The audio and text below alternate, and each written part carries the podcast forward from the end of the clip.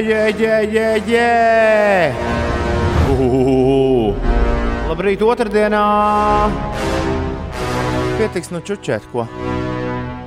Ir pulkstenis precīzi seši un aiziet. Rīta dūna tavā radio sākas tieši tagad. Tūlūdu, limbiskit. Tavā rīta radio. Labrīt, Ulu, labrīt, Inesē! Labrīt!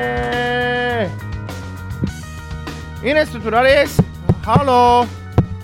Halo! Nu, jā, man neviens nedzird. Tu tāda Dzird, pe dzird. pelīt pīkstīt bišķiņ. Bet būs jau labi. Nē. Būs jau labi. Jā, Nē, jā. Ir 8 minūtes pārpusdienas, 6. Labrīt, labrīt, labrīt! Mūsu Rīga Latvijā! Galvenais ir labi izgulēties. Jūs nevarat iedomāties, cik tas ir forši. Beidzot, es to izbaudu. Miegu. Es, man katra diena ir sestdiena. Nē, katra diena, kā Morisijas dziedāja, svētdiena. Jā, jūtamies tiešām kā svētdienā, otrdienā, 3. novembrī, 8 pār 6. Dagnijai un Erikai šodien vārdu svētki. Andrim Rubīnam reklāmas guru šodien dzimšanas diena, daudz laimes viņam. Politiskā teātra guru Artus Skaimiņš svin dzimšanas dienu, daudz laimes Artus. Elitai Kļaviņai, jaunā Rīgas teātra aktrisei, dzimšanas diena. Zviedru aktieris Dolfs Lungrēns un krievu daļslidotājs Jevģīnijas Pļuščenko ar viņiem dzimis kopā vienā dienā. Un Kardashianu mamma laikam Kendāla Dženers svin dzimšanas dienu. Nē, nē, māsa viņu. Kā tur sanāk? Viņa ir mamma, viņa ir Kardašiana, un tēvs ir tas, kas mainīja dzimumu, un tagad ir tēvā. Vai baigi, baigi, baigi sarežģīti būt Kardashianiem.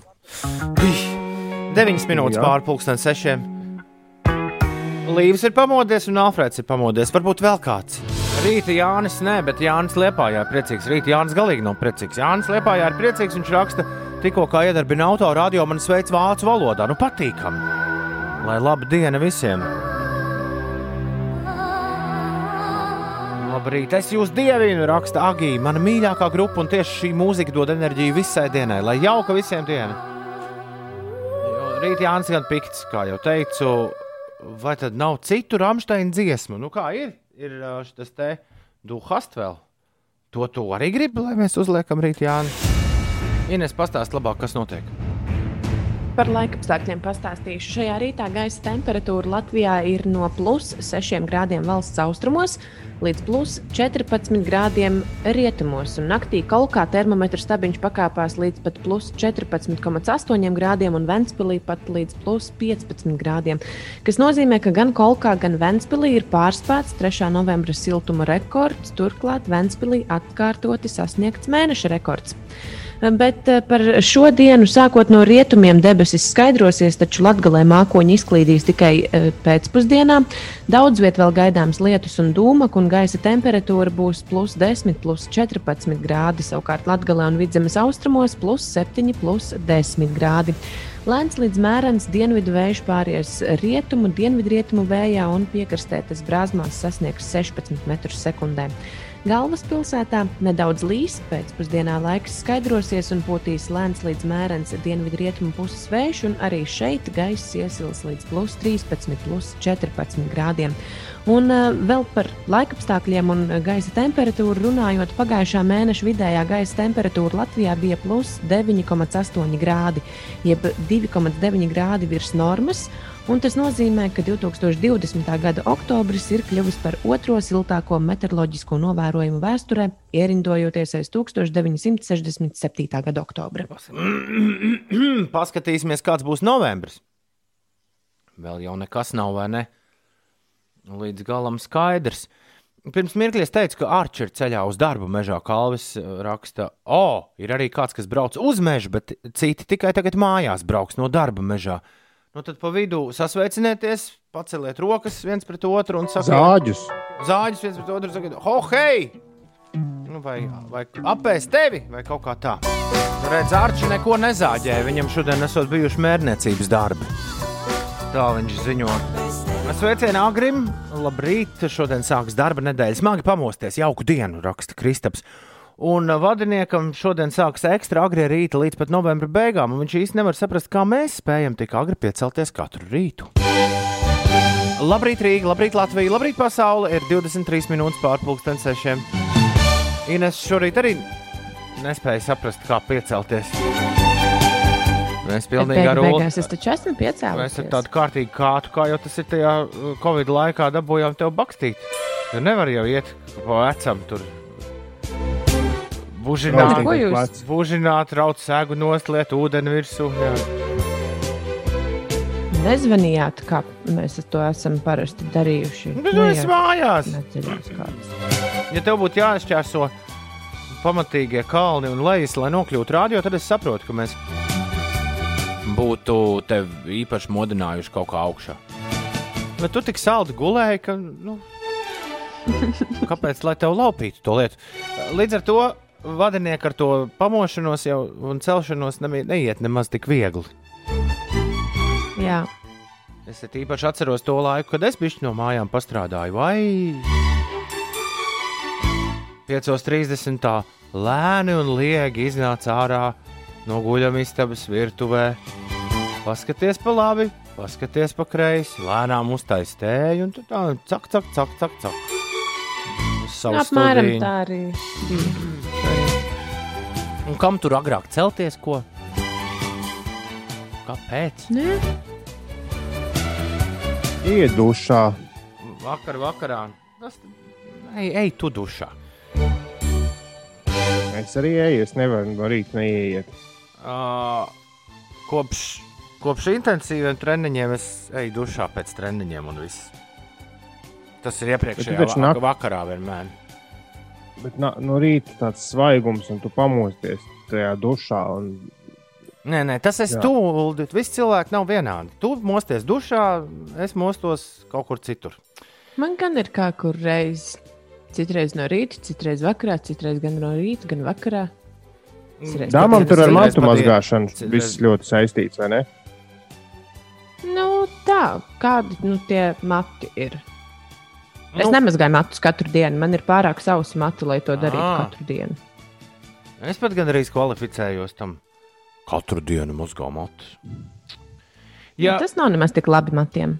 ja bioritms ir iegājis rītmā, tas automātiski pamostas puspiecos. Es jau stundu esmu darbā, ziņo taksists Dīdis. Labrīt, Dīdis! Lai tev viss, lai tev viss feini. Vakar vakarā Uldis uzsprāga, nevis uzsprāga, bet Uldis metās, metās vīrusu pētniecībā. Nu, tā es to sauktu. Jo viss sākās ar kādu youtuberi, Džoniju Harrisu, kuru video mēs kopīgi noskatījāmies. Un uh, Uld- Ulds bija pirmais, kurš secināja, un es tam tikai pievienojos, ka līdz šim mēs tā līdz galam nebijām iebraukuši tajā, ka vīrusi ir ne tikai, nu, ir ne tikai vai nu dabū vai nedabū vīrusu lietu, bet uh, ir iespēja dabūt lielāku vīrusu, mazāku vīrusu un pavisam mazāku vīrusu. Jā, ka šis process nav binārs, nav nu, ieslēgta ieslēgt slimība un izslēgta slimība. Un es, es, es biju dzirdējis to, ka, saka, nu, ka tu būsi, ja tu būsi tur ar masku vai es īsāku laiku uzturējies kādā telpā, tad tu būsi saņēmis mazāku vīrusu devu vai dozi. Un es domāju, nu jā, nu, kaut kā tas tur, nu, tā, tur ieelpo vairāk un kaut kas tur notiek. Bet izrādās, ka tas jebkurā no gadījumiem, tas gan neatiecas uz visām slimībām, bet vismaz uz gripu un šo tagadējo sērgu attiecas. Jo vairāk to vīrusu dabū iekšā, jo smagāk var būt simptomi. Jo organismam vienkārši ir vairāk, nu, smagāk, smagāk kauja jāizcīna imūnsistēmai to visu. Secinājums var iet uz privātu ballīti, ko kāds ir uztaisījis. Iespējams, pakluso, jo privātajās ballītēs tagad drīkst desmit cilvēki tikai būt. Tu vari iet, bet tev pēc 15 minūtēm, vai labākais pat pēc 10, ir jātiņas prom no turienes.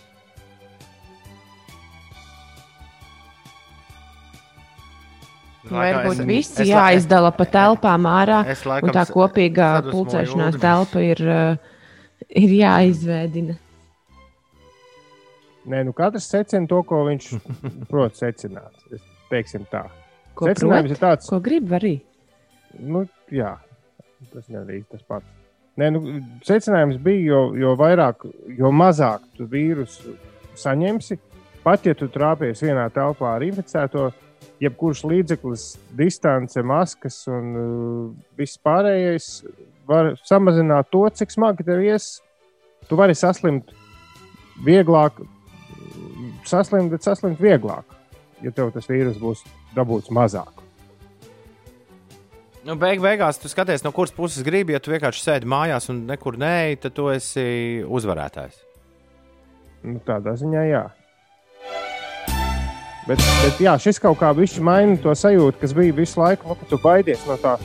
Es arī nu, no tā viena brīža, kad tu pēkšņi trāpīsies kaut kur vīrusu tajā, tajā, tajā diapazonā, nu, tajā pa ķērienam un, un, un saslimsi. Bet kad, nē, tad, tur vēl pēc tam sākas jautājums, cik tu daudz to vīrusu saņem un nesaņem un saslimst. Jā, un, un, ja maskas ir gan nu, tai pusē, kas ir izējošais signāls, gan ienākošais, tad tas šo daudzumu samazina nu, daudzkārt.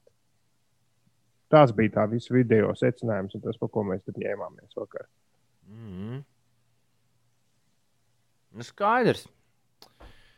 Maskas un pa mājām. 6,29. Šeit pieci rītī. Labrīt! Vēl taksijas dīdis ir nosacinājis, ka ir tiešām feina, ka šobrīd esot tikai migla, bet ne tas slapdrāņš, kas vakar vakarā. Vakar vakarā bija arī kaut kāds uhu, vējš. Tādu mums te nevajag. Man tādu sūtiet atpakaļ uz ziemeļiem. Pasties vetārs pamodās un uzreiz noģība. Labrīt, vetārs! Labrīt arī visi pārējie. Vetārs tur redzēja vakar Rotterdams metro bildi.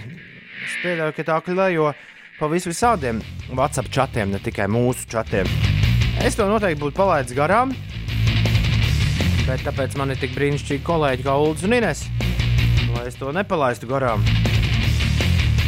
Kas īsti ir atgadījies Rotterdamā? Saved by the whale, kā raksta Washington Post. Vālis izglābs. Nē, bet nopietni, kas ir ļoti grūti saprast, kas tieši ir atgadījies vilcienam, kurš ir atdūries pret vaļa asti.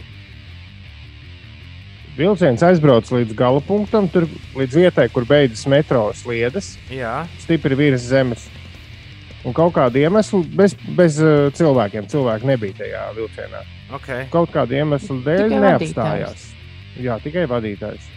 Un kaut kāda iemesla dēļ neapstājās un, turpināja maukt pāri sliedēm. Tur tāda estakāda beidzas, un estakādas galā ir 2002. gadā viens mākslinieks uzbūvējis divas milzu vaļa astes.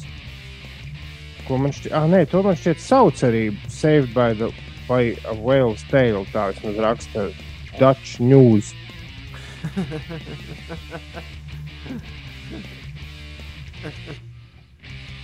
nu jā, jā un, un, izbrauca cauri norobežojošajai sētiņai un uzkārās uz vienas no tām astēm.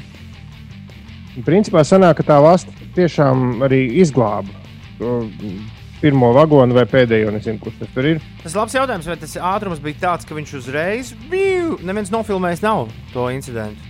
Na. Video jūs neesat redzējuši. Interesanti, vai viņš uzreiz tādu milzīgu inerci gāja un apstājās tieši uz tās astes, vai arī viņš tā kā jau krita lejā un tad pa to asti uzbrauca augšā. To īsti no fotografijas nav iespējams saprast. Bet uh, šis uh, vaļa foto ir varants. Uldis ietvītos at 5 rīt, tur, kur 5 raksta ar burtiem. Bildi, ja uh, gadījumā jums slinkums kaut kur citur meklēt. Uh, jā, nu, ļoti laba tāda, tagad es gribētu teikt, mākslas instalācija varēja Rotterdamai palikt. Vienīgi noteikti. To vagonu tur vajadzētu atstāt, jā. Jā, tikai vienīgi noteikti tas vagons maksā bargu naudu. Mums atcer... Atcerieties, cik maksāja mūsu tramvaja, kad par to kāds sāk runāt. Ārprāts! Es nekad nebiju iedomājies, ka es braucu tādā, tādā zelta karietē. Noteikti metro vagons arī maksā. Ui! Šausmīgi liela ne, nauda. Nevarētu teikt, ka tās vaļa astes ir baigi glītās. Pēc tam tajā bildē, ko pēdējo Ulas mums atsūtīja, ja tas vilciens būtu traucies pretī tai otrai vaļa astei, tad tur nesanāktu tik veiksmīgi kā šajā gadījumā, man liekas. Tev ir atsūtīts kaut kas vēl vairāk. Vai, vai, vai Uldi, kā tu domā, tas vilciens ar savu svaru ir to vaļa asti noliecis, vai viņa pa īstam ir jau iepriekš bijusi uzbūvēta tāda zemāka? Un, un... Es, man neizdevās atrast šīs skulptūras bildes pirms, jo googlējot to skulptūras nosaukumu loģiski, ka izlaiž tikai šis atgadījums, jo par to vakar rakstīja viss.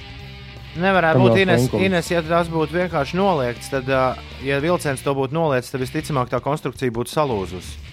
Pēc tā tas izskatās. Un tas taču ir, mm. tas ir ciets materiāls. Tas nevar būt kaut kas tāds, ko paņem un blūzi. vienkārši Nu, kas to lai zina? Varbūt tā ir kaut kāda alumīnija aste. Bet jā, neizskatās diezgan glītas. Bet tiešām, vispār. ja tu ieraksti Rotterdamu un Veilu, tad tu uzreiz dabūji tikai un vienīgi šīs, šī pasākuma fotobildes. Un, Rakstīt, ka tas ir poliesters. Tātad kaut kāds plasmas sakausējums tas ir. Varbūt arī. un tad visādi varētu būt. Nu, Jā. Nu, katrā ziņā es ietvītoju. Ļoti labi. Twitterī pieci rīti, ja kāds gadījumā šo nav redzējis. Žigat Māris un Lunču brāļi.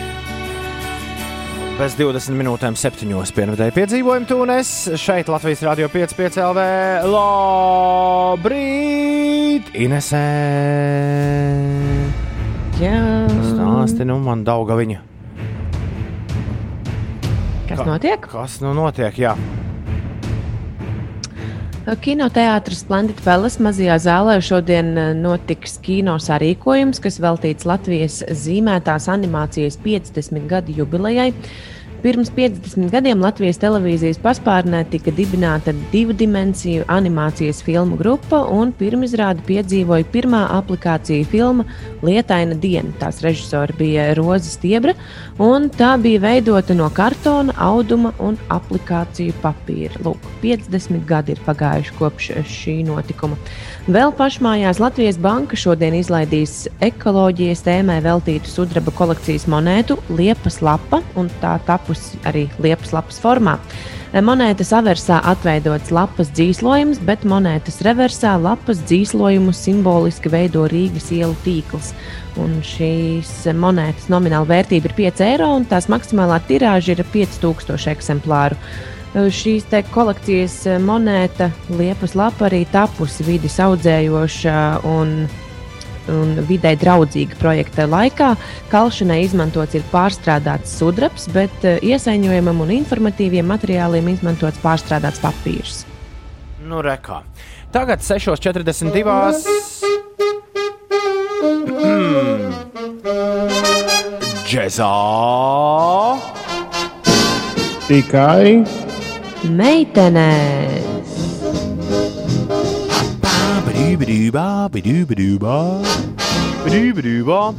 Dosimies uz Meksiku šodien. oh, Dosimies mēs šodien uz Meksiku, uh, nevis uz Ameriku, nevis, nevis uz Sanrā orķestri, kur varētu visiem kārtīgi smadzenes izvārīt šorīt. Uh, Kas arī ir liels notikums, vispār tāda liela notikuma aizdītajās nedēļās, džēzā, Sanrā orķestra.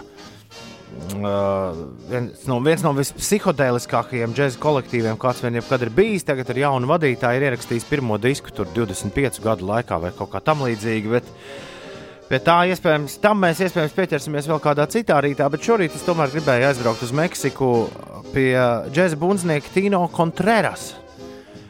Uh, es neesmu līdz galam iepazinies ar visu to Tino Contrera uh, stāstu, bet šis ir viens no tiem gadījumiem, cik, cik, nu, cik nu šķiet no tādas nelielas informācijas, kas ir sagrābstīta, kad atkal kaut kas brīnišķīgs ir, ir atrasts pēdējā mirklī. Mirklī, kad vīram jau ir ļoti, ļoti daudz gadu, un, un, un, jā, un pēdējā brīdī tiek izcelts saulītē kaut kas, kas līdz šim tādā pamatīgā saulītē nekad nav bijis. Džēls Petersons savos uh, pasaules braucienos, britu mūzikas filantrops, ir uh, šo kontrēru uzgājis. Šī gada sākumā viņš izlaida uh, kontrēras uh, 60. gadu meistardarbu, Musika Infinita, no jauna. kas ir arī ļoti varants, uh, varants ieraksts. Bet tas, ko Džēls ir izdarījis, vissvarīgāko, viņš ir dabūjis Tino Kontrēru atkal iekšā studijā un ierakstījis pavisam jaunu plati ar viņu. Un tas arī šī plata arī laist klajā Džēls uh, privātajā ierakstu kompānijā Brownswood Recordings. Nu, lūk, un tad šodien no šī Tino Kontrēras jaunā albuma La Noche de los Dioses, lai skan tituls skaņdarbs. Kaut kas absolūti brīnišķīgs. Es jums 96 gadu vīriņam. 96 gadi un jauns albums. Wow! Padomā tikai.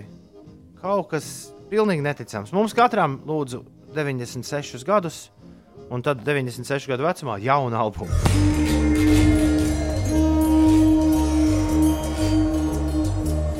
Kā nu es te papētīju, kamēr mēs šo dievu nakti klausījāmies La Noche de los Dioses.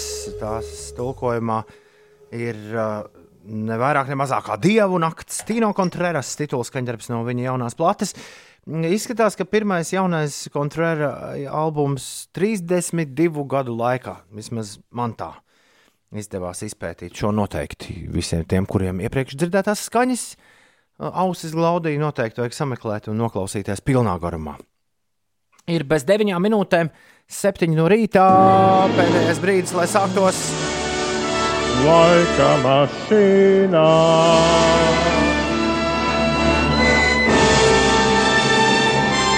Šodien džiglā un fiksā laika mašīna, kuru atklāja autobusu debesīs. Šis ir viens no tiem skaņdarbiem, par kuriem es varu teikt, ka šis ir. Ja es to netīšām kādā kafejnīcā izdzirdētu, precīzi, precīzi tas, ko es meklēju, lai iekļautu to biksēs ceturtdienas rītos. Cameron kopā ar Jules Santana, kurš ir uh, samplēts šeit, Freaky Ziki un Toja Hei Mā. Kurā gadā nes šis bija modē, Ulu? Man liekas, ka mēs esam ļoti tuvu vakardienas gadam. Es teikšu, 2007.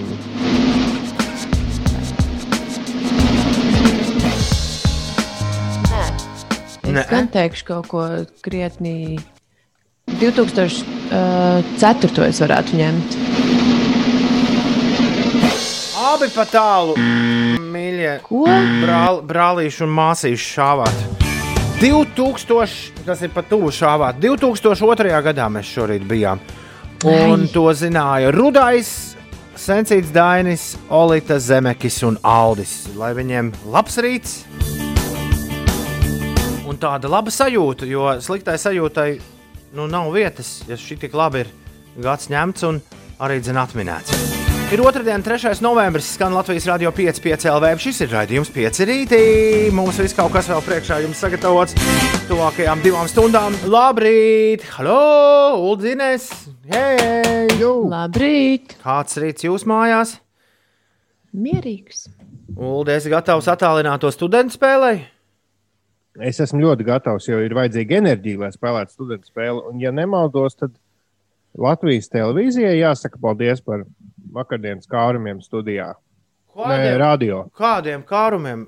Es Jā, nevienu- kādiem es kārumiem? nevienu kārumu neesmu redzējis. Kā, kā tu vienmēr tiec pie kārumiem? Kur tu Nu, dabūji garu? Ko, tortes tev stāv mājās, leduskapī. Kārumiņi, Torte te, tūlīt- tu te pakluso nāc kārumiņus visus savākt. Torte tūlīt būs izbeigusies. Nu, nebūšu apēdis, būs palikusi veca. Jā, man vakar bija jābrauc uz vecrīgu citu darīšanu dēļ, un es ieraudzīju internetā, ka ir vesels kalns ar virtuļiem. Latvijas rādio uzrādījis. Un Man šķiet, ka Latvijas televīzija bija tā, kas atsūtīja šo kalnu. Un rādio jau nav kas noēd, jo viss ir attālināti, liela daļa. Nu, tad es uzupurējos un nu, palīdzēju mazliet, devos saņemt mazu paciņu, lai kaut kā palīdzētu tikt ar šo kārumu galā. Malacīts. Ja kāds vēlas Ulu uzspēlēt mūžīgo studentu spēli, es to nevis par kārumiem gribēju runāt. Es gribēju kādu uzaicināt, atrakstīt uz 293, 202, pieteikumu. Es gribu spēlēt studentu spēli. Kas jādara studentu spēlē, Ines? Studentu spēlē ir jāatbild uz jautājumiem. Parasti, kas tas ir? Mēs ar to esam atraduši desmit vārdiņus, kurus uh, studentam un uldim vajadzētu izskaidrot. Jā, varbūt Mārtiņš, kurš guļ Tomam blakām, grib uzspēlēt studentu spēli. Mārtiņ, celies augšā! Jākaps Rekur grib spēlēt. Kurš vēl? 293, 1202. Students spēlēs vaļā jau pavisam, pavisam drīz. Uldis, tev pārtrauc, tu kaut ko gribēji teikt? Nē, nē, viss, viss ir pateikts. Viss ir līmenī. Cukurs ir uzņemts līmenī. Super. Ziediņš, grēviņš un puķekā kopā ar tevi. Labrīt! Cēlies augšā! Ei! Amilau! Run, run, run, run! Šodien Dagnijai un Ērikai ir vārdu svētki. Andrim Rubīnam uh, reklāmas monstram daudz laimes dzimšanas dienā. Elitē Kļaviņai, jaunā Rīgas teātris aktrisei, daudz laimes. Laurim Johansonam, jaunā Rīgas teātris gaismu māksliniekam, daudz laimes. Zviedru aktierim Dolfam Lungrēnam šodien ir dzimšanas diena. Jevgeņijam Pļuščenko, Krievu daļslidotājam, daudz laimes. Un viena no Kardašianām, kurš viņas visas spēja savākt kopā - Kandela Dženere. Šodien svin Tā ir dzimšanas tā, dienu. kur ir šausmīgi daudz, nu, viņ- viņam visām visā, daudz sekotāju Instagram. Bet šī tā ir rīktīgi daudz, man šķiet, ka viņai tur visādi rekordi ir. un Viņi me, mežonīgi bagāti. Ļoti labi biznesmeni. Un Par viņu, Gomene. par viņu Dienvidparks rīktīgi daudz joko. Vai jokoja vismaz pagātnē. Kaut kāda gaisma tur lēnām rādās pie apvāršņa. Ko televīzijas tornis saka šajā rītā? Jā. Nekā nav. Ir pilnīga migla. Viss ir. Tas uh, Ulda webkamerā, kurā viņš pēta Rīgas panorāmu. Tiesa ne uz to pusi, uz kur parasti viss pēta, bet uz otru pusi. Jo kādam ir arī tā otra puse jāapskata, vai ne? Mhm.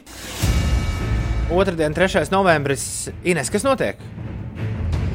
Jā, pie mums otrdiena. ASV šķiet, ka vēl pirmdiena, vai ne? Vai pirmdienas nakts. Bet katrā ziņā ASV šodien notiek prezidenta vēlēšanas. Tajās izšķirsies, vai Baltā nama saimnieka godu saglabās republikāņu pārstāvis Donalds Trumps, vai arī viņu nomainīs demokrātu izvirzītais bijušais viceprezidents Joe Bidenis. Daudzi bažīs, ka gadījumā, ja atšķirības starp abu kandidātu iegūto balsu skaitu būs neliela, var sekot ilgstoša juridiska stīvēšanās. Patiesībā arī daudz vietā nu, vispār cilvēki bažīs par šo vēlēšanu iznākumu. Daudzās vietās veikalu skatlogiem tiek uh, likti priekšā. Um, aizsargi, finieru plāksnes, eh, jo iespējams varētu izraisīties kaut kādas eh, nu, nekārtības. Būs jautri, būs jautri. Jā, un Twitters arī eh, dažas stundas pirms vēlēšanām liedza lietotājiem retvītot ASV prezidenta Donalda Trumpa paziņojumu, kurā viņš kritizēja augstākās tiesas lēmumu par balsošanas tiesībām un apgalvoja, ka tas novadīšot pie vardarbības ielās, jo augstākā tiesa ir atļāvusi Pensilvānijas štatam skaitīt pa pastu saņemtās balsis eh, pat trīs dienas pēc vēlēšanu dienas, atbilstoši vietējo varas iestāžu lēmumam. Trumps mēnešiem ilgi ir pretojies balsošanai pa pastu, apgalvojot, ka tā novadīšot pie krāpšanas. Oi, Pie krāpšanās. vai, vai, vai. Bet eh, tā kā nu, tomēr cilvēki daudz vietā nevar iziet ielās, kas saistīts arī ar uh, vīrusu pandēmiju, tad cilvēki diezgan daudz izmanto šo iespēju balsot pa pastu. Mm -hmm. Ir 22 minūtes pāri septiņiem. Marta raksta sveiciens visiem tiem, kuriem skrien no rītiem. Es ceru, ka neesmu vienīgais. Kāpēc Marta tur raksta vīriešu dzimtē? Ceru, ka neesmu vienīgais, kurš no rīta iespiež vienu treniņu. Sveiciens arī vakar skrējējiem, protams. Skrienošais variants. Iespējams, tā vienkārši nav Marta. Mums te ik pa laikam kādam ir vārdi jocīgi sarakstīti. Nu, jo, lielāka, jo, jo vairāk jūs paliek, jo interesantāk uzvedas izziņu mašīna. Tā tiešām ir. Bet uh, Dāna gan izziņu mašīnā bija iereģistrēta pareizi. Labrīt, Dānā! Rīt! Mūžīgo, mūžīgo studentu spēle ir klāta. Dāna, tagad tev būs jāsacenšas ar vienu no visspēcīgākajiem mūžīgajiem studentiem valstī, ar Ulu Ziediņu, ar nevienu citu. Jā. Dāna, kā, te, kā tev ar to tam, kā tev ar tām mūžīgajām studijām iet? Nu, iet grūti, man liekas, kā jau visiem mūžīgajiem studentiem. Mm, Mēģināju vēl pagājušajā gadā kaut ko pamācīties, bet uh, nu, tā arī paliek mūžīgais. Mhm, Vai paliek, jā. Mm -hmm. Mēs esam ar tevi uz viena viļņa, bet mēs labprāt tev izrakstītu vismaz vienu diplomu tav, tavā dzīvē. Bet viss, kas tev jāizdara, ir jāuzveic ulu. Ulu mēs tev slēdzam, tev jāizrauj Jā. vadi visi ārā tagad. Jā, tagad es redzēju, jūs te man video varat redzēt. Es redzu, jā, kā Uldis izrauj vadu. Es, Demonstratīvi es parāda. nevaru tik daudz, man te tie Es jūs ekrāni. vairs nedzirdu. Es varu runāt. ļoti- ļoti labi, nē, Jā, es Ulu- varu jaukties pa virsmu. Ulu beidz. Ines pamājiet, man dzirdi. Pasaka tevi viņam, lai parāda viņam, parāda viņam skeleti. Mūziku. Nevajag Kāds to vairāk. nedzird? Neva- Mums kaut ko man rāda. Nevajag, beidz. Apklust. Ah, nu, labi. Beidz. Mu- Mutes ciet, jā. Uh, labi, uh, Danam, Jā, desmit jautājumi. Kas tas tāds ir, lai tev veicas? Kas ir Jānis Lūsēns? uh, Jānis Lūsēns ir latviešu komponists. Kas ir logopēdija? Logopēdija ir um, saistībā, nu, tā būtu tā kā medicīnas novirziens, runas māksla, kaut kas tāds. Kas ir spidometrs? Spidometrs ir um, rādītājs, kas mēra ātrumu. Detonators. Kas ir detonators? Detonators kaut kāds meklētājs varētu būt. Kas ir suflē? Suflē ir uh, saldais vēdiens. Kas ir Priština? Priština. Priština. Varētu būt pilsētā Polijā. Kas ir Aristotelis? Aristotelis ir zinātnieks. Kas ir Vižņi? Vīšņi. Mhm. Līdzīgi su, sunim vīzula, bet laikam, ka jau ne, nebūs. Kas ir eksekutors? Eksekutors. Eksekutors.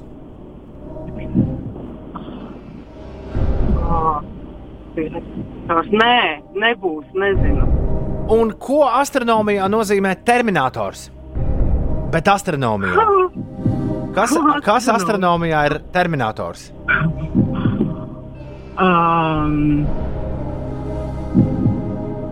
ne mazākās nojausmas. Padod, Ulu gan jau zināt. U terminatoru? Es šaubos. Es šaubos, ka terminatoru Ulu zinās. Es domāju, ka eksekūtoru viņš arī nezinās, bet saucam viņu atpakaļ. Ulu nāc atpakaļ. Ok. Nāc atpakaļ, Ulu. Saucam viņu atpakaļ un, un tad skatīsimies.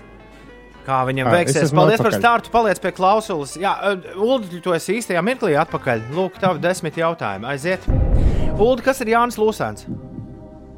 Komponists latviešu. Kas ir logopēdija? Logopēdija ir, uh, man šķiet, ka nu, zinātne par runas aparātu vai, tā, vai ārstniecības metodi, kas pareizi runāt. māca. Kas ir spidometrs? Spidometrs mērvienība, kas vai, puh, mēraparāts, kas parāda mašīnas ā- transporta līdzekļu ātrumu. Kas ir detonators? Nu, tas, ar ko detu, nu, ne, ierīce, ne, nu, arī laikam, aparāts, ar ko um, panāk, nu, in, inicijē eksploziju. Kas ir suflē? Suflē ir nu, tāds pļūra ēdiens. Kāds tieši ēdiens? Saldais ēdiens, tāds nu, kaut kas gaisīgs, Kas ir Priština? Kas ir Priština? Priština ir pilsēta. Tā, es tur, man liekas, pat esmu bijis. No, kur? Priština. Serbijā. Kas ir, Nē, Aristo... es tur. Kas ir Aristotelis? Aristotelis ir filozofs. Kas ir Vižņi? Un, uh, Kas tad? Vižņi. Kas ir Vižņi? Viņi ir tas, uh, varētu teikt, sasaluši viļņi. Nu, tādi ledus, ledus, vis, ledus uh, veidojumi jūrā parasti. Kas ir eksekutors? Vēlreiz, Eksekutors. Eksekutors. nezinu tādu. Un ko astronomijā nozīmē terminators? Astronomijā terminators. Jā. Kas ir, kas ir terminators astronomijā? Mm, nu, es varētu minēt, ka tā ir zvaigzne, kas iznīcina citu zvaigzni, bet nezinu. Paldies! Ulu starts ir noticis. Inese, laiks rezultātiem. Ines šobrīd ļoti Citīgi Jā. rēķini noteikti. Es uh, skaitīju.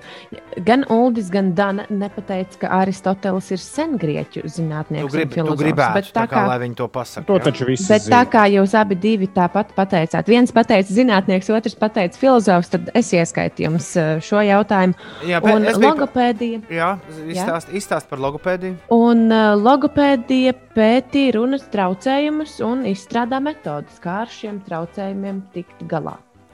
Nu, parasti bērnus sūta pie logopēdija, ja viņi nemāķi kādu burtiņu pateikt. Vai... Eks, Jā. Bet, nu, tas apmē... jā, pabeidz, lūdzu. Nu, bija logopēdija. Ja tu Nu, jā, jūs abi, jūs abi divi, uh, minējāt, ka te darīšana ir ar uh, runas prasmi un valodu. Tāpēc es jums abiem diviem ieskaitīšu, tā lai viss ir Cik godīgi. jauki. Jā, bet... Eksekutors ir Pokemons, viens no Pokemon pasaules. O, Un terminators astronomijā ir robeža starp debesu ķermeņa apgaismoto dienas un neapgaismoto naktas daļu. To, ko mēs bieži redzam uh, kosmosa bildēs. Vai arī nu, varētu teikt, ka tad, kad mēs mēnesi neredzam pilnu, pilnu vai ne, tad, tad tā robeža, tā līnija. Kur viņš Jā. paliek tumšs un gaišs, ja es mēģinu izskaidrot. Ja? Tā, tā, tas ir terminators astronomijā. To mēs turpmāk visi zināsim. Tā, laiks rezultātiem. Jā, Dana, un par turam Pokemonu Kavinskis mums zināja, Turam ka īkšķus. tāds Pokemons ir. Tā kā nav tā, ka neviens to Um, nezināja. Labi, rezultāti. Rezultāts ir tāds, ka šoreiz ir 7 pret 5, un vēl joprojām rezultāts ir Ulda labā. Danā, piedod, lūdzu. Bet, Dana, tu biji tik ļoti tuvu, un man te ir kompliments. Tu esi pirmā meitene, man liekas, kas piedalās šajā studentu spēlē, jo iepriekš eh, Uldim visi mm, pretinieki ir bijuši kungi. Un, uh, man liekas, ka tev ir veicies vislabāk. Jej! Jej! Dāna, liels paldies tev par spēli un lai forša diena. Jā, paldies nedo- jums arī, lai forši. Čau, Dāna! Atā! Man tik interesē, kas bija trešā atbilde. Eksekutors, es nezināju, terminatoru, un kas bija trešā, ko es aizšāvu garām. Tā, tūdaļ, tūdaļ. Pristina. pateikšu. Tā ir Kosovas galvaspilsēta. Pristina ir galvaspilsēta. Kosovas nu, galvaspilsēta. jā, Serbija tur karoja pareizi. Dastīs saka, ka viņš izcēls diplomu vienreiz. Labi, Dastī, gan jau mēs nonāksim arī līdz tavai. Līdz tavai. Tavai kārtai. Labrīt, superīgie piecīši. Man šodien ir. Ah, paga, paga, paga. paga. Nu, nu, nu. Kosa, Pristina starptautiski tiek uzskatīta par Serbijas pilsētu. Nu, labi, labi. Redzi to? Jā, redzu. Tagad tu zini, kā ir spēlēs. Jā, redzu. Gatavoju. Redzu, redzu, redzu, redzu, redzu, redzu. Labrīt, superīgie piecīši. Man šodien liela diena, apaļa dzimšanas diena. Raksta jaukā ieviņa. Esmu satraukusies, jo jādodas sagaidīt sveicienu no kolēģiem, bet esmu ļoti priecīga. Daudz, daudz laimes arī jums manā dzimšanas dienā. Augstu laimu un prieku ieviņu vēlējam tev. Jā. Ko tu gribēji teikt, Ulu? Es Es gribēju teikt, ka vairāk kā biežāk aprauju pusvārdā. Prištinas jautājumā labāk neiedziļināties, jo tur nu, diezgan daudz kara ir bijis un visādi ļoti slikti notikumi šīs pilsētas status sakarā. Tāpēc. Labi. varbūt mīļā miera labad mēs neteiksim, nu, kāda pilsēta tā ir. Paliksim pie Prištinas pilsētas. Okay. Eliots 739 un labinieks Latvijas rādio ēters, piecinieks, grēviņš, ziediņš un pučenieks. Visi kopā piecu rītinieks. Vai kaut kā tā. Ā, 739 Ines, kas notiek? Pastāstīšu par laikapstākļiem, kas notiek. Novembris ir iesācies ļoti silti. Un arī oktobris ir bijis eh, viens no siltākajiem mēnešiem. Patiesībā oktobris ir bijis otrs siltākais mēnesis meteoroloģisko novērojumu vēsturē, ierindojoties aiz 1967. gada, kad rudens vidus mēnesis bija vēl par vienu grādu desmitdaļu siltāks nekā nekā oktobris šogad. Bet par eh, šīs dienas laikapstākļiem sākot no rietumiem debesis skaidrosies, latgalē mākoņi izklīdīs tikai pēc saulrieta, bet daudz vietā vēl gaidāms lietus un dūmak, un gaisa temperatūra šodien būs plus 10, plus 14 grādi. Latgalē un vidzemes austrumos mazliet vēsāks, tur plus 7, plus 10. Lēns līdz mērens dienvidu vējš pāries rietumu vējā, piekrastē brāzmās tas sasniegs 16 metrus sekundē, un galvaspilsētā šodien nedaudz līs, pēcpusdienā laiks skaidrosies un pūtīs lēns vējš, un gaisa temperatūra šeit arī plus 13, plus 14 grādu. Kinoteātris Splendid Palace mazajā zālē šodien notiks kino sarīkojums, kas veltīts Latvijas zīmētās animācijas 50 gadu jubilejai. Un uh, vēl par pašmājām KHL vienība Rīgas Dienāmo savā pēdējā izbraukuma spēlē šodien viesosies pie Nursultānas Baris spēlētājiem. Mačs sāksies pulksten pusčetros pēcpusdienā. Ir bez 20 minūtēm, 8. Labrīt, visapkārt! Tagad uh, ir pienācis brīdis, kad mēs jums pastāstīsim, kā pieci rīti skatās TV. Rīti skatās TV, un šorīt TV skatīšanās ar seriālu, kuru daudzi, daudzi ir aizvadītās nedēļas laikā jau paņēmuši un, kā saka, moderni nobinžojuši. Binžošanai ir latviskais termins. Es kaut kā vēl neesmu manījis. izraut Neviens cauri. termins nav, bet jā, izskaidrojums ātri noskatīties pilnīgi visas sērijas. Jā. Un viens no mums to ir izdarījis pa ilgiem laikiem. Nu, tiešām izrāvis visu cauri. Tā ir Inese un šodien Queen's Gambit. Karalienes, tātad Gambīts. Ja? Jā, es tikko sapratu, ka loģiskāk būtu latviešu dāmas, jo Latvijā, latviešu valodā karalienes figūras nu, sauc par dāmu. Par Jā, bet tā ir Dāmas. konkrēta, konkrēts gājiens eh, šaha spēlē, vai ne? Nu, jā. Konkrēts gājienu kombinācija. Jā. Jā. Bet uh, skaidrības labad to nav tā, ka es to seriālu nobinžoju, kā jūs sakāt, vienā vakarā. Es noskatījos seriālu nedēļas laikā. Man liekas, katru vakaru pa vienai sērijai. Septiņas sērijas tik ir, un vairāk nebūs. Pēc tieši tāda paša nosaukuma romāna motīviem radīts jauns Netflix hits. Šodien uz paplātes. Nu, Ines stāsti, kas tur, kas, tur, kas tur ir foršs un kas nav tik foršs. Uh, viss stāsts ir par uh, kādu jaunu meiteni, kura nonāk bērnu namā pēc uh, mammas uh, iešanas bojā autoavārijā. Un, uh, jā, šajā bērnu namā nu, jūs jau varat iedomāties, kādi, kāds tā bērnu nama tēls tiek veidots uh, seriālā, nu, cik tur nelāgi bērniem dzīvojas, un, un ka bērnus sazāļo un, un visādas nu, tādas nepatīkamas lietas. Bet uh, mazā meitenīte, aptuveni 8 vai 9 gadu vecumā, viņa tur dzīvojas un viņa sadraudzējas ar uh, šī bērnu nama mm, apkopēju. Un šis apkopējs savā pagrama, pagraba telpiņā spēlē šāhu viens pats. Un viņai uz šo telpu ir jāiet parasti tāfeles eh, švammīti eh, mazgāt. Nu jā, sastra- sadraudzējas ar eh, apkopēju, un viņi abi sāk spēlēt šāhu. Atklājas tas, ka šai meitenei ir nepārspējamas prāta spējas, stratēģijas spējas, un viņa, viņa sāk ļoti labi spēlēt. Lai gan tur arī tas stāsts ir saistīts ar to bērnu sazāļošanu. Viņa parasti pirms gulētiešanas, skatoties griestos, redzēja dažādas eh, šāda spēles kombinācijas. Tas diezgan jauki Nu ir uztaisīts vizuāliem efektiem. Jā. Jā, bet uh, pēc tam viņa sāk lasīt arī grāmatas. Viņa sāk aizvien biežāk spēlēt uh, šāhu ar šo apkopēju, un, un viņa kļūst par ļoti labu spēlmeni. Un arī tas uh, viņas jaunais vai vecais draugs ir, ir, ir pārsteigts par to. Viņš iepazīstina viņu arī ar uh, tādu šaha klubiņu, uz ko viņa uh, sāk staigāt. Nu, katrā ziņā beig beigās eh, viņu arī adoptē, bet eh, beig beigās sanāk tā, ka viņa tiešām ir nepārspējama šahā, bet eh, daudz jau vairāk interesējās par to, ka viņa ir nevis fantastiska šaha spēlmana, bet ka viņa ir meitene un spēlē šahu. Tad tāds īstai, īstajā laikā, kad ļoti daudz mēs runājam par, par dāmu tiesībām un par tām atgādinām, visiem seriāls apnācis ir īstajā mirklī un īstajā brīdī. Tā sanāk.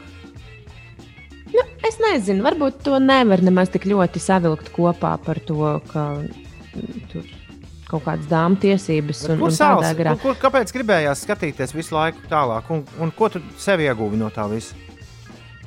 Mm, es uh, ieinteresēju mani šahs. Es neesmu nekad spēlējis šahu, es nemāku spēlēt to.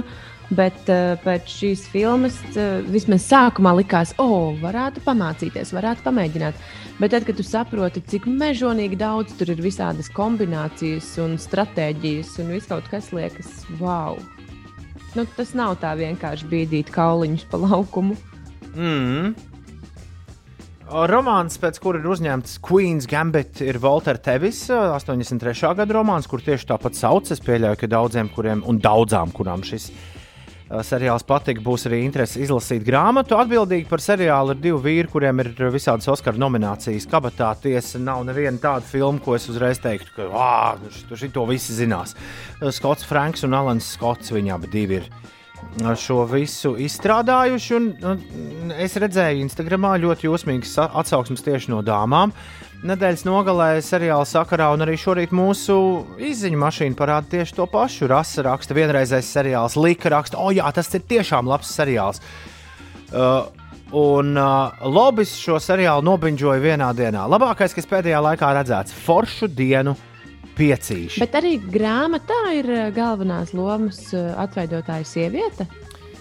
Uh, arī romānā tā ja, ir. ja šī ir romāna ekranizācija, būtu diezgan dīvaini, ja tas tā, ja tas tā nebūtu. Bet es to nezinu, es neesmu romānu lasījis. Tikai septiņas sērijas eh, šim seriālam, un uh, man patika no visu, ko es vakar palasīju par uh, Queen's Gambit. Man ļoti patika uh, fakts, ka šaha uh, komūna, ja, pasaules eh, šaha sabiedrība, esot šo seriālu uzņēmuši ar, ar lielu prieku. Tik viena no šī brīža pasaules labākajām šahistēm, esot ietvītojusi Twitterī, ka nu, vispār būtu jau bijis arī interesanti, ja viņi kādā mirklī ar kādu dāmu uzrautu šāhu. jo savādāk vi, viņi spēlēja vei... tur ar meitenēm, bet uh, nu, tās meitenes galīgi nebija tādas. Uh, tādas raudzes spēlētājas kā, kā galvenā varone. Katrā ziņā seriāls ir ļoti vizuāli skaists arī. Nu, re. Uh, ja binge... Jā, grāmatā, grāmatā arī, protams, ir sieviete. Jā. Nu, grāmatas ekranizācija. Ja binge eating latviešu ir kompulsīvā pārēšanās, tad sanāk kompulsīvā skatīšanās, raksta Brūss Vilsons. Paldies, Brūss! Pieci rīti skatās TV! Šorīt uh, karalienes nebe dāmas gambits. Queen's Gambit. Ir 7,47.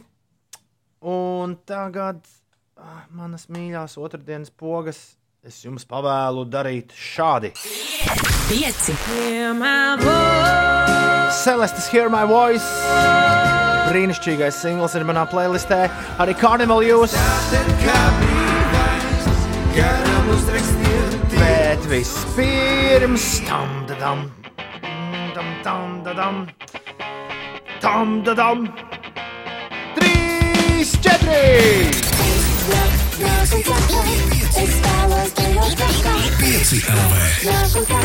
Uzgriez un ir.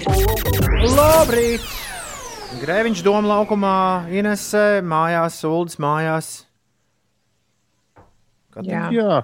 Es tā lēnām kaut kā tā sāku briest mirklim, kad arī es būšu mājās.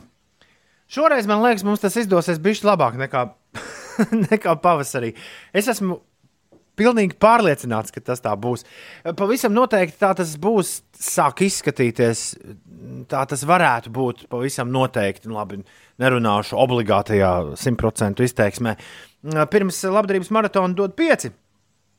Jo vakar es pirmo reizi dzirdēju diezgan konkrētu jā, apgalvojumu, ka desmit dienas nevajadzētu rādīties nevienam radio cilvēkam tūmā, nevienam no stikla studijas dīdžiem. Paskatīsimies, kas un kā mūs sagaida tuvākajā laikā. Jebkurā gadījumā būs ļoti, ļoti interesanti. Garla, es apsolu, Ulu un Inês garlaicīgi nebūs nevienā brīdī līdz Ziemassvētkiem. Pavisam noteikti. Lieliski. Tad pienāks Ziemassvētki. Un sāksies atkal zināms atpūtas laiks, un būs tāds, oh, kāpēc vairs nav tik interesanti? Ir 7 eh, minūtes pār 8. Labrīt, visapkārt! Vienalga, vai sākat savu darba, darba dienu mājās, un esat atcerējušies par to, ka rīt radio var mājās ieslēgt, vai arī esat vecajās labajās automašīnās un traucaties pa darbiem, mācību iestādēm un vis kaut kur citur. Ar ieslēgtu radioaparātu automašīnā, mēs jums sakām, labrīt! Labrīt! Celies augšā, otrdiena ir klāta. Čau, eterbiedri! Etera cilvēki! Otradiena, 3. novembris. Brīnišķīga diena. Izskatās, ka būs riktīgi labā. Riktīgais labinieks. Dagnijai un Ērikai šodien ir vārdu svētki Andrim Rubīnam, DDB bosam. Tagad DDB Nord bosam, reklāmas guru. Cilvēkam, kur vadībā arī jau pāris gadus top Latvijas radio 5, 5 LV un visu sabiedrisko mēdīju labdarības uh, maratonu dod 5. Uh, jā, vizuālais un komuni komunikācijas ietērps. Andri, daudz laimes. Artusam kaimiņam dzimšanas diena. Bija tāds džeks. Elitai Kļaviņai, jaunā Rīgas teātris aktrisei Laurim Johansonam, jaunā Rīgas teātris gaismas māksliniekam Dolfam Lungrēnam, Jevgeņijam Pļuščenko un Kendālai Dženerei, tiem pasaku tēliem no, no rietumiem. Kendala Dženera tiešām izklausās pēc Man saka, ne, Do, Do, Dolfs Lungrēns un Jevgeņijs Pļuščenko varētu būt viņai, uh, nu, nezinu, tur kaut kādi, uh, kaut kādi sulaiņi. Kendāla ar Žēņu un Dolfu. Jā, Bogdanu Taranu mums arī jāapsveic, leģendāro Latvijas diskžokeju. Viņam arī šodien dzimšanas diena. Un es atļaušos būt ļoti, uh, jā, atļaušos arī Laurim Lasdānam aizsūtīt dzimšanas dienas sveicienus uz Liepāju. Man liekas, ka viņš mums palīdzēja ar dažām intervijām. Tad, kad mēs bijām Liepājā pirms kāda pusotra gada, ir 9 minūtes pār 8. Naurim, ja? Naurim, jā. Naurim Lasdānam. Jā. Uh, Ulu, tu esi veicis kaut kādus papildus pētniecības darbus Čakija ielas veloceliņa uh, gaitā, ja tā to var saukt. Nē, nu vien to, ka vakardien tika pieņemts lēmums, ka būs pagaidu velojoslas. Vakar no rīta vēl mēs nezinājām, vai Bet, pieņemt. bet vakar no rīta par to bija cepiens, jo kāds jau, man liekas, bija sācis sagatavot tās vēl joslas. Nu, Savā ziņā tas likās tāds mazliet nereāls uh, pasākums. Es atceros, ka man liekas, vai tik tas nebija pavasarī vai vasarā. Kad tika runāts par to, kāpēc Čaku ielu remontējot, tur neviens uh, neliek velojoslas, bet tikai labi iekārto ietvi un, un ielu. Un tad man liekas, ka toreiz teica, ka nu, vispirms uztaisīsim ielu smuku, un tad domāsim par veloceliņiem. Es gan drīkstu kā velo braucējs, nu kā svētdienas, droši vien es skaitos kā svētdienas velo braucējs, jo es nebraucu ātri, man nav kalnu vai sporta kaut kāds super ritenis. Es ar savu pilsētas riteni pārvietojos galvenokārt pa ietvēm, ja, tur, kur nav šie celiņi. Un atšķirībā no dažām citām ielām, Krišņāņa barona iela, ja, rāda ar tevi uz pirkstu. Čaka iela ir tajā galā viena no visizbraucamākajām un arī visātrākajām ielām. It īpaši tad, kad tu tiec garām, tad, kad tu tiec garām ziedoņdārzam, tālāk tur uz priekšu vispār. Uh, viens Tur jau vairs pūlis. nekā nav. Kāds tur nekā nav? Nu, tur ir artērijas iela, Tallinas un Pērnavas. Man mazliet, es vismaz to vienu bildīti, ko es redzēju, mazliet izbrīna tas, cik plata ir ietve tieši uztaisīta. Un ka to veloceliņu vismaz tajā bildē bija plānots veidot eh, uz vienas no braukšanas joslu rēķina. Respektīvi, mašīnas brauktu pa vienu joslu, nevis kā tagad ir, ka brauc pa divām katrā virzienā. Man liekas, kāpēc to ietvi vajag tik platu? Čakielā nav nemaz tik daudz kafejnīcas, kuras varētu taisīt ārā terases. Varbūt būs drīzumā. Bet Ines Čaka iela ir iela ar vienu joslu katrā virzienā. Jā, bet mašīnas brauc divās. Nu, jā, joslās. jā, jā. Tāpēc, ka var un drīkst. Nu, tāpēc, ka var. Jā. Šo- Principā Jā, josla tur ir viena. Kā, nu, okay. Šorīt atkal Rīgai kāds uzlicis spaini. Slapiši pēc suņa, saulainu dienu visiem raksta kodu. Jā. Tāda ļoti daudzsološa diena izskatās, varoties Rīgas debesīs. Edžels raksta, man liekas, ka tā iela ir pat paplašināta. Viņa ir pat lielāka nekā viņa bija. Man arī liekas, ka bija cepiens par to, ka ietve tiek samazināta, kas jau tā tur bija šaura. Nu, Es kādu laiku tur dzīvoju, es man nelikās, ka ietver šaura. Varbūt cilvēki nemāk iet pa ielu. Viss Vispār es domāju, ka arī gājējiem būtu nepieciešami nu, tādi ietves satiksmes noteikumi. Ka vienā pusē iet tikai vienā virzienā, otrā pusē iet tikai otrā virzienā. Un, Ir tagad šaurāk. tāda kā visi ielu Iveta vienam tagad ir cilvēkam. šaurāk. Uh, varbūt tur nebūs daudz kafejnīcas, raksta Mārtiņš, bet gan ar to, uh, ko visiem asociējas Čakiela. Varbūt būs sarkano lukturu Čakiela. Ha, ha, ha. Man Čakiela par lielu liekas, raksta Ingvars. Un Kārlis noslēdz, domāju, šo ar uh, piebildi. Cepiens par Čakielu ir cepiena pēc. Daudz dažādu viedokļu mums te visiem. 8,21 Ines, kas notiek? Turpinot par Rīgas ielām runāt, Zemitāna tilts pat labi ir sastrēdzis uz 9 minūtēm, tā ziņo Baltika Maps. Vienības gatavē posmā no Irbenes ielas līdz Kārļa Ulmaņa gatavas pagriezienam pa labi ir jārēķinās ar vismaz 7 minūšu stāvēšanu. Vēl jūrmalas gatavē posmā no Dzirciema ielas uz Slokas ielu pa labi tur ir 6 minūšu aizkavēšanās. Vaņodas ielā līdzīga situācija. Pašā Kārļa Ulmaņa gatavē jārēķinās ar 5 minūtēm, un Maskavas ielas pagrieziens uz Krasta ielu. Tur arī aptuveni 5 minūšu aizkavēšanās, un tieši tāda pati situācija arī Deglavielā. Citās ierastajās eh, sastrēgumu vietās Rīgā izskatās, ka situācija ir apmierinoša. Tā varētu teikt. Par laikapstākļiem šodien šī diena būs diezgan silta. Sākot no rietumiem, debesis skaidrosies, un vienīgi Latvijas pusē mākoņi izklīdīs mazliet vēlāk. Daudz vietā gaidāms lietus un dūmaka, bet, kā jau teicu, diezgan silta diena. Gaisa temperatūra būs plus 10, plus 14 grādu.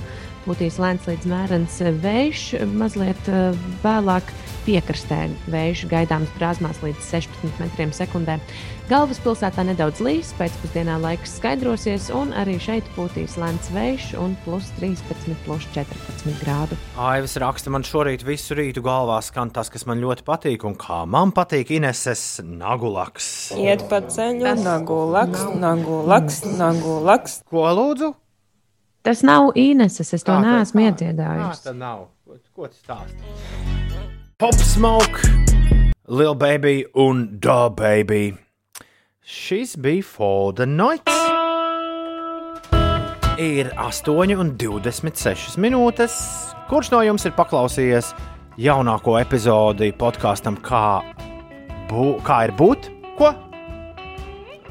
Man grūti ar to podkāstu klausīšanos Kas- vispār. Iet. Kas ir podkāstu klausīšanās? Man nesanāk īsti klausīties podkāstus. Man ļoti gribētos iemācīties, bet es nezinu, brīdī, kurš ir tas piemērotākais brīdis, lai klausītos podkāstus. Mēs drīz ar Ulu tev to mācīsim katru pirmdienu. Vakar es biju sapulcē, kurā tas tika nolemts šajā raidījumā.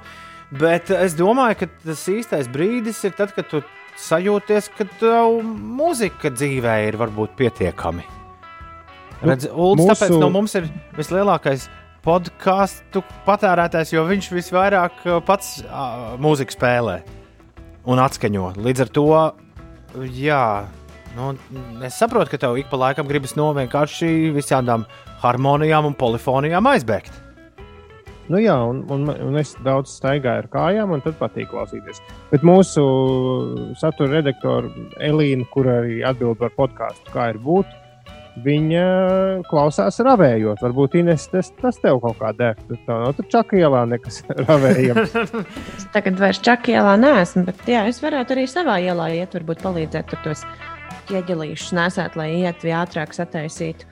Re, austiņas ausīs un podkāsts mugurā. Kā katru pirmdienu vakar ir klajā nākusi jauna epizode podkāstam, kā ir būt. Epizodes nosaukums ir Jēga, un ar Elīnu sarunājas burbuļu dizainere Eva Abduļina. Viņa ir studējusi ārzemēs, šobrīd strādā dizaina studijā Overpriced un brīvajā laikā renovē ģimenes māju. Tā jēga nu nav tā, ka mēs katru dienu varam kā, celties un ar to smago mm, vārdu, nu, kā, ok, šodien būs jēga. Galvenais tajā pašā esencē, pašā lielumā izvēlēties kaut ko, kam ir jēga.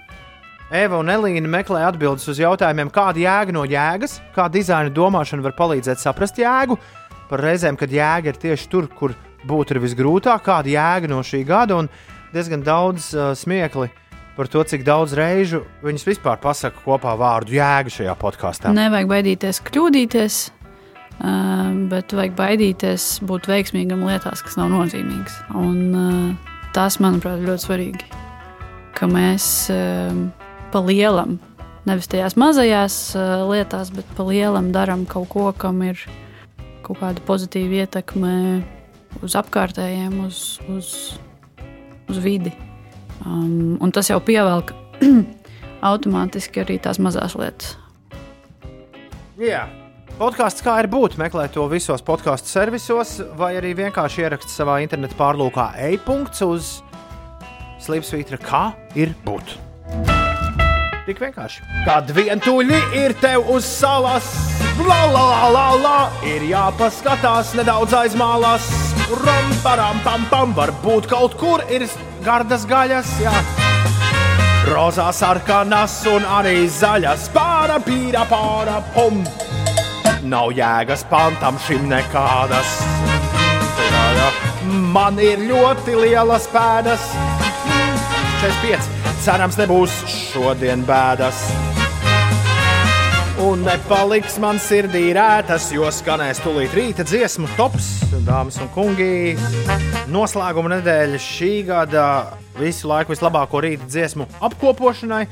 Un esam mēs nonākuši līdz Annai, kur ir izvēlējusies savas trīs visu laiku vismīļākās rīta dziesmas. Annas parāda atklāja Linkin Park, In the End.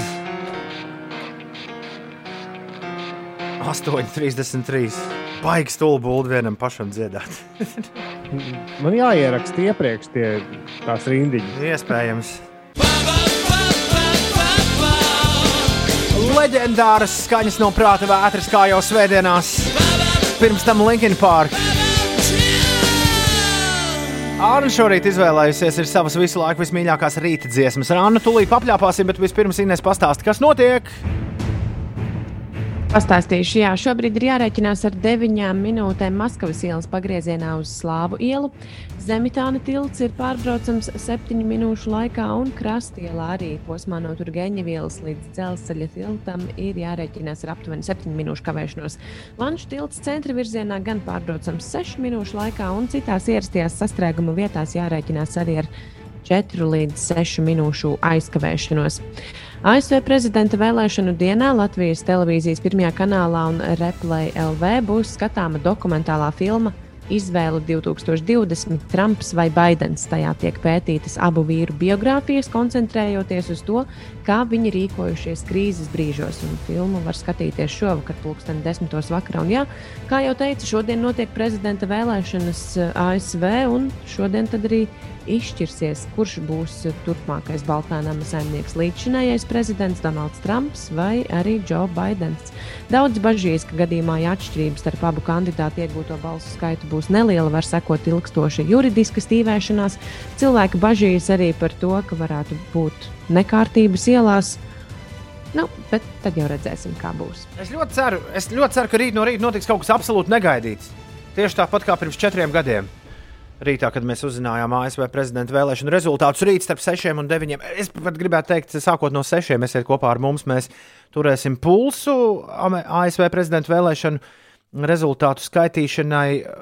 Pagājušajā reizē, pirms četriem gadiem, ja nemaldos, mēs ap pulksten 7 un 20 minūtēm uzzinājām, kurš ir uzvarējis prezidenta vēlēšanās. Jā, rīt speciāli izlaidums. Tūlīt varētu atrast arhīvā to iepriekšējo reizi, jo tas raidījums bija visai jāstras, kā Inês atceras. nu, labi. Varbūt arī labāk ne. Pievēršamies Annai. Labrīt, Anna! Labrīt! Anna, kurš būs prezidents? Trumps vai Baidens? Nu, es ceru, ka ne Trumps. Nā, tas nedara. Nav, nav trešā iespēja. Ne Trumps. Nē, nu, tad lai iet Baidens, lai iet Baidens. Anna, iedomājies, ka tev par godu tiek rīkots mīlestības. Kas obligāti būs uz galda? Mm. nu, parasti tajos, tajos mīlestos, kur, kur nu, es parasti aiztos mīlestus. Ah. Tur, ja man ir kaut kas jāgatavo, nu, tad kāda kūka tur būs.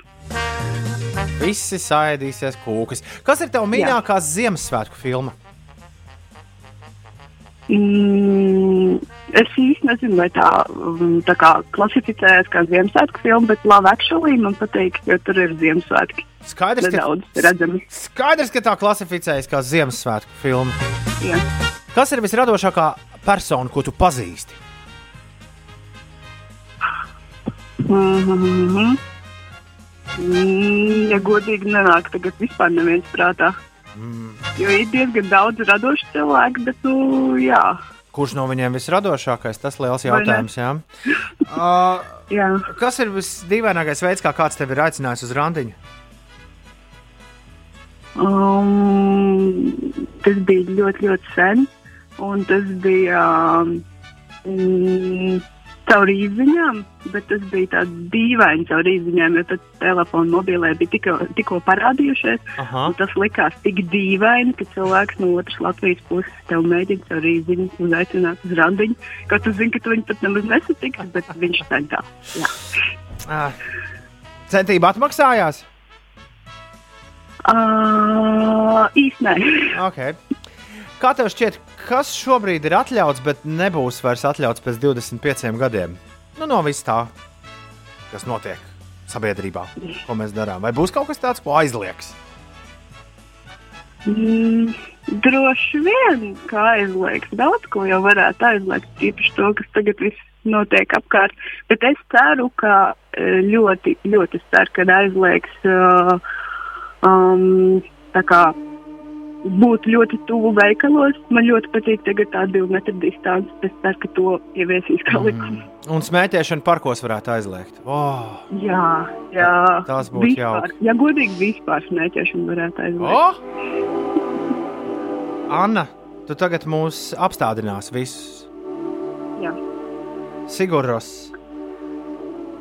Tas bija nedaudz mērķis, nedaudz, tādā rīta, rīta trakajā skriešanā nedaudz arī apstātos. Es uh, izvilku islandiešu valodas vārnīcu, lai saprastu, ka tas, kas tas dodelong vai kā viņi tur izrunā. Pat Google jūg prātā, kad ievada šo vārdu. Degalogi. Bet es sāku tulkot, kas tas ir. Un ir iespēja gan, ka tas ir nāves klusums, gan arī, dzen, ka tā ir nāvējošā liesma. Bet tas ir kaut kas fatāls. Kāpēc tu, Anna, esi nolēmusi šo fatālību ar mums izveikt šajā rītā? Nu, ja, ja godīgi, es uh, nebiju tulkojis agrāk uh, šo nosaukumu, tos vārdus, jo es kaut kā pieņēmu, ka tie ir tāpat kā Sigūras citām dziesmām, tur ir nedaudz izdomāti kaut kas pa pusē no islandiešu valodas, kaut kas no citām. Uh, bet, uh, bet, jā, ja godīgi, es izvēlējos varbūt šo dziesmu, lai es uzzinātu, kā beidzot kā izrunāt to nosaukumu. Es cerēju, ka jūs kāds zināsiet, bet laikam šoreiz man nepaveicās. Kā es tev saku, kā es tev saku, pat Google īsti nezinu. Tas Dudeluga, Dudeluga. Uh, Sigurdos albums Valterī, Dudeluga. Anna, prieks ar tevi aprunāties. Paldies par tavu izvēli. Lai skan. Jā, paldies, jā, jaukiem. Kā teikt, klausīties Gunču heimā? A, tā. uh. Jonsija falsets. Tas tik ir kaut kas. Daudz no jums vēlas zināt, kas tas ir, kas tagad skan. Sigurdos tie ir albums Valterī un kaut kāds Dodolgogs. Tas ir arī mana mašīnas mūzika.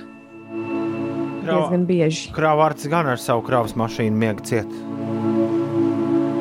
Rīktīgu pārdomu brīdi uzsita dogronkai, kā viņi tur raksta čeči. Paldies Annai par brīnišķīgo mieru pauzīti ar Sigurros raksta Renārs. Un Emīls raksta ceļā no Gulbenes uz Rīgu klausīšos jūs līdz pašam galam. Jauku visiem dienu.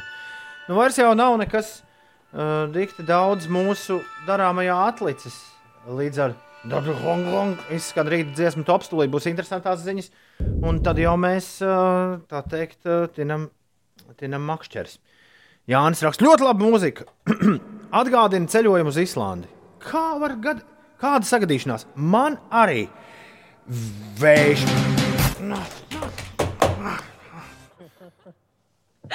Kāpēc viņš tā uzvedas? Nu, tas ir vienmēr otrdienās. Tas vienmēr ir otrdienās. Tas nav citās dienās. Viņš uzvedas, Tas bija ceļojums uz Islandi. viņš uzvedas tā kā. Tā kā O, Uldim ir fidget spinners. Viņš galīgi neuzvedas tik, cik viņš tā, kā viņš maksā. Jā. Tas tur dators, superdators, kas man šeit ir. Tā, vējš matos un vulkāniskie ieži. Un arī gardi krabi islandiešu. Tas viss man prātā lēnām stājas. kad domāju par to, kur Bjorkai mājas. La, la, la, la, la, la. Bet tikmēr miglā slēpjas Rīgā. Vai arī kādam dikti kūpcīga. Tāpēc tos smēķus vajag aizliegt. Un tā vietā skrienam kurpes izsniegt. Lai var aizskriet laicīgi uz vietu to. Tā, mums vēl daži, daži rīta ar rīta dziesmu topu, tad pirmdien sāksies lielā balsošana. Divu nedēļu garumā jums būs jānobalso par savām visu laiku vismīļākajām rīta melodijām. Balsot varēs tikai par tām dziesmām, kas pirmkārt vai nu pērn bija top 10, vai arī kuras šogad ir pieteiktas rīta dziesmu topam, un tad jau manīs. Kāds izskatīsies rīta dziesmu tops? Mums būs vesels top 40, ar kuru mēs noslēgsim novembrī šajā pārraidē no pirmdienas līdz piekdienai. Beigu beigās būs arī pavisam īsts tops. Sanāks mums kopā rīta dziesmu tops.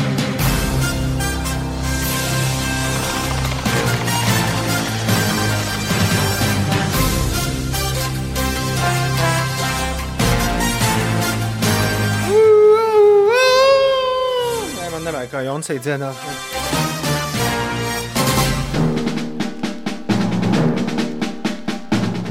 Ai, tas mirklis, kad pienāk interesantās ziņas, un tu saproti, ka arī tām līdz galam tu neesi gatavs.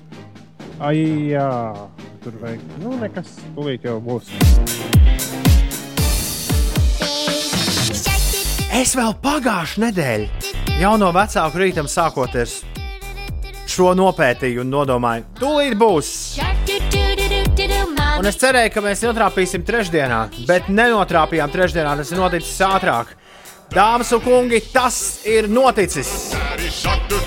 Pēc 7 miljardu un 40 miljonu skatījumu robežas sasniegšanas Baby Shark ir kļuvis par skatītāko video YouTube.com pasaules vēsturē.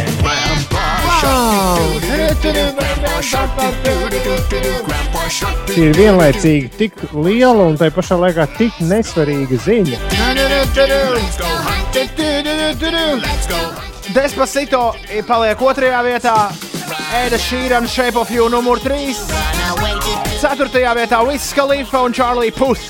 See you again! Un piektajā vietā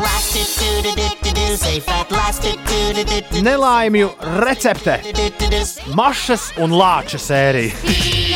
Lūk, ko cilvēki skatās, draugi mīļie, portālā YouTube.com. Lai nokļūtu pirmajā vietā, Baby Shark bija vajadzīgi gandrīz 4,5 gadi. Interesanti, ka šobrīd pats jaunākais vi- video, skatītāko video top 30. kā ir 2018. gada 31. maijā augšu pielādētais Girls Like You, ko izpilda Maroon 5 ar Cardi B. Kaut kā ir tie hiti mums aptrūkušies, nu tie grandiozie hitines. Jā, bet YouTube jau cilvēki neskatās tikai nu, mūzikas video. Nu, video, nē, nu, tur jau nav tikai mūzika, bet vienkārši video ir daudz. Un, laikam, tie skatījumi, jo šobrīd, lai tiktu desmitniekā, tev ir jāpārvar 3,3 miljardi Wow. skatījumu. Atcerieties, pirmo reizi, kad Gangnam Style sasniedz vienu miljardu. Tas pat nebija ne tik sen, vai ne? Jā, ugh, Un kur tagad- man liekas, kur ka arī tajā ir- gadījumā varētu būt pie vainas bērni. Nu, jo Baby Shark liek bērniem. Nu, ne jau pieaugušie to skatās. Astotie- Man liekas, arī Gangnam Style varēja būt kaut kas līdzīgs. Gangnam Style ir astotais šobrīd. Ga- Ar Gangnam Style tas viss sākās. Labas ziņas visiem staigātājiem, tādiem kā Uldis, bet īpaši tiem, kas gatavojas pārvākties uz Uzbekistānu. Tad, tad Borata reklāmas kampaņa, ah, ne, tā bija Kazahstāna. Kazahstāna. Turienes prezidents ir izdevis rīkojumu, ka turpmāk čaklākajiem staigātājiem paredzētas regulāras naudas balvas. Rīkojumā teikts, noteikti, ka pilsoņi, kas ir 18 gadus veci vai vecāki, kas diennaktī nostaigās 10 000 vai vairāk soļus, saņems uz savu elektronisko maciņu 3000 somu, kas ir apmēram 25 centi. Tālāk skaidrots, ka čaklākajiem staigātājiem pilsētā mēnesī izmaksās līdz 25 eiro. Kas ir laikos? Līdz apmēram 42. Pandēmijas laikā? Laukos, laukos. Ah, laukos. Laukos līdz apmēram Kā? 42 eiro. Bet tam, kurš būs lielākais staigātājs visā valstī, tam būs 90 eiro. Tad sanāk, ka, lai saņemtu vairāk, nepietiks tikai vienkārši noiet 10 000 soļus, bet būs jānoiet arī vairāk par citiem. Klau, uh, tur taču cenas ir tādas, ka ar tiem 90 eiro tu esi bagāts kā lielākais frukts ciemā, ne? Nu, es neesmu bijis Uzbekistānā. Pateikt. Tik traki arī nebija. Nu, Mums ir bijis. bet bija noteikti lētāk nekā Latvijā. Kāda īsti ir tā matemātika apakšā, mums īsti nav skaidrs, bet Uzbekistānā izveidot, ir izveidota speciāla lapa internetā, kurā tiks apkopot rezultāti. Savukārt naudu balvām ņems no īpaša nodokļa, ko maksās visi, kas ražo veselībai kaitīgus pārtikas produktus, un to saraksts gan pagaidām nav zināms.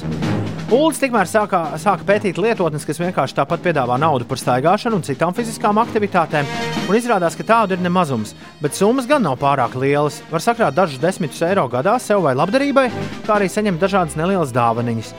Piemēram, lai vienā no populārākajiem servisiem Sweetcoin sakrātu apmēram 1200 eiro. Ko? Sweatcoin. jā. Sweatcoin. Sweatcoin ā, sakrātu Sviedru, apmēram jā. 1200 eiro vērtu ceļojumu uz Francijas dienvidiem. Tev jāsakrāt 20,000 sweatcoinu. Un bezmaksas versijā vienā dienā var sakrāt maksimums 5 sweatcoinus par 5000 soļiem. Tas nozīmē, ka, lai tiktu pie ceļojuma uz Franču rivjēru, vajadzīgs nieka 4000 dienas, jeb gandrīz 11 gadi. Bet, zināmā mērā, es lietoju to sweatcoinu. Es Ak, vienkārši. lieto? Jā, to, kā es lietoju svetkoinu, es tev izstāstīšu rīt, jo vairs nav nekam laika. Šim raidījumam pienācis gals. Viss cauri. Paldies visiem, kas klausījās. Rīt Jānis Kutels būs kopā ar mums. Tāpēc pamēģini tikai, un prezidenta vēlēšanas pamēģini tikai neieslēgt radio. Mēs tagad sakām visu labu. Atā! Atā! Tā.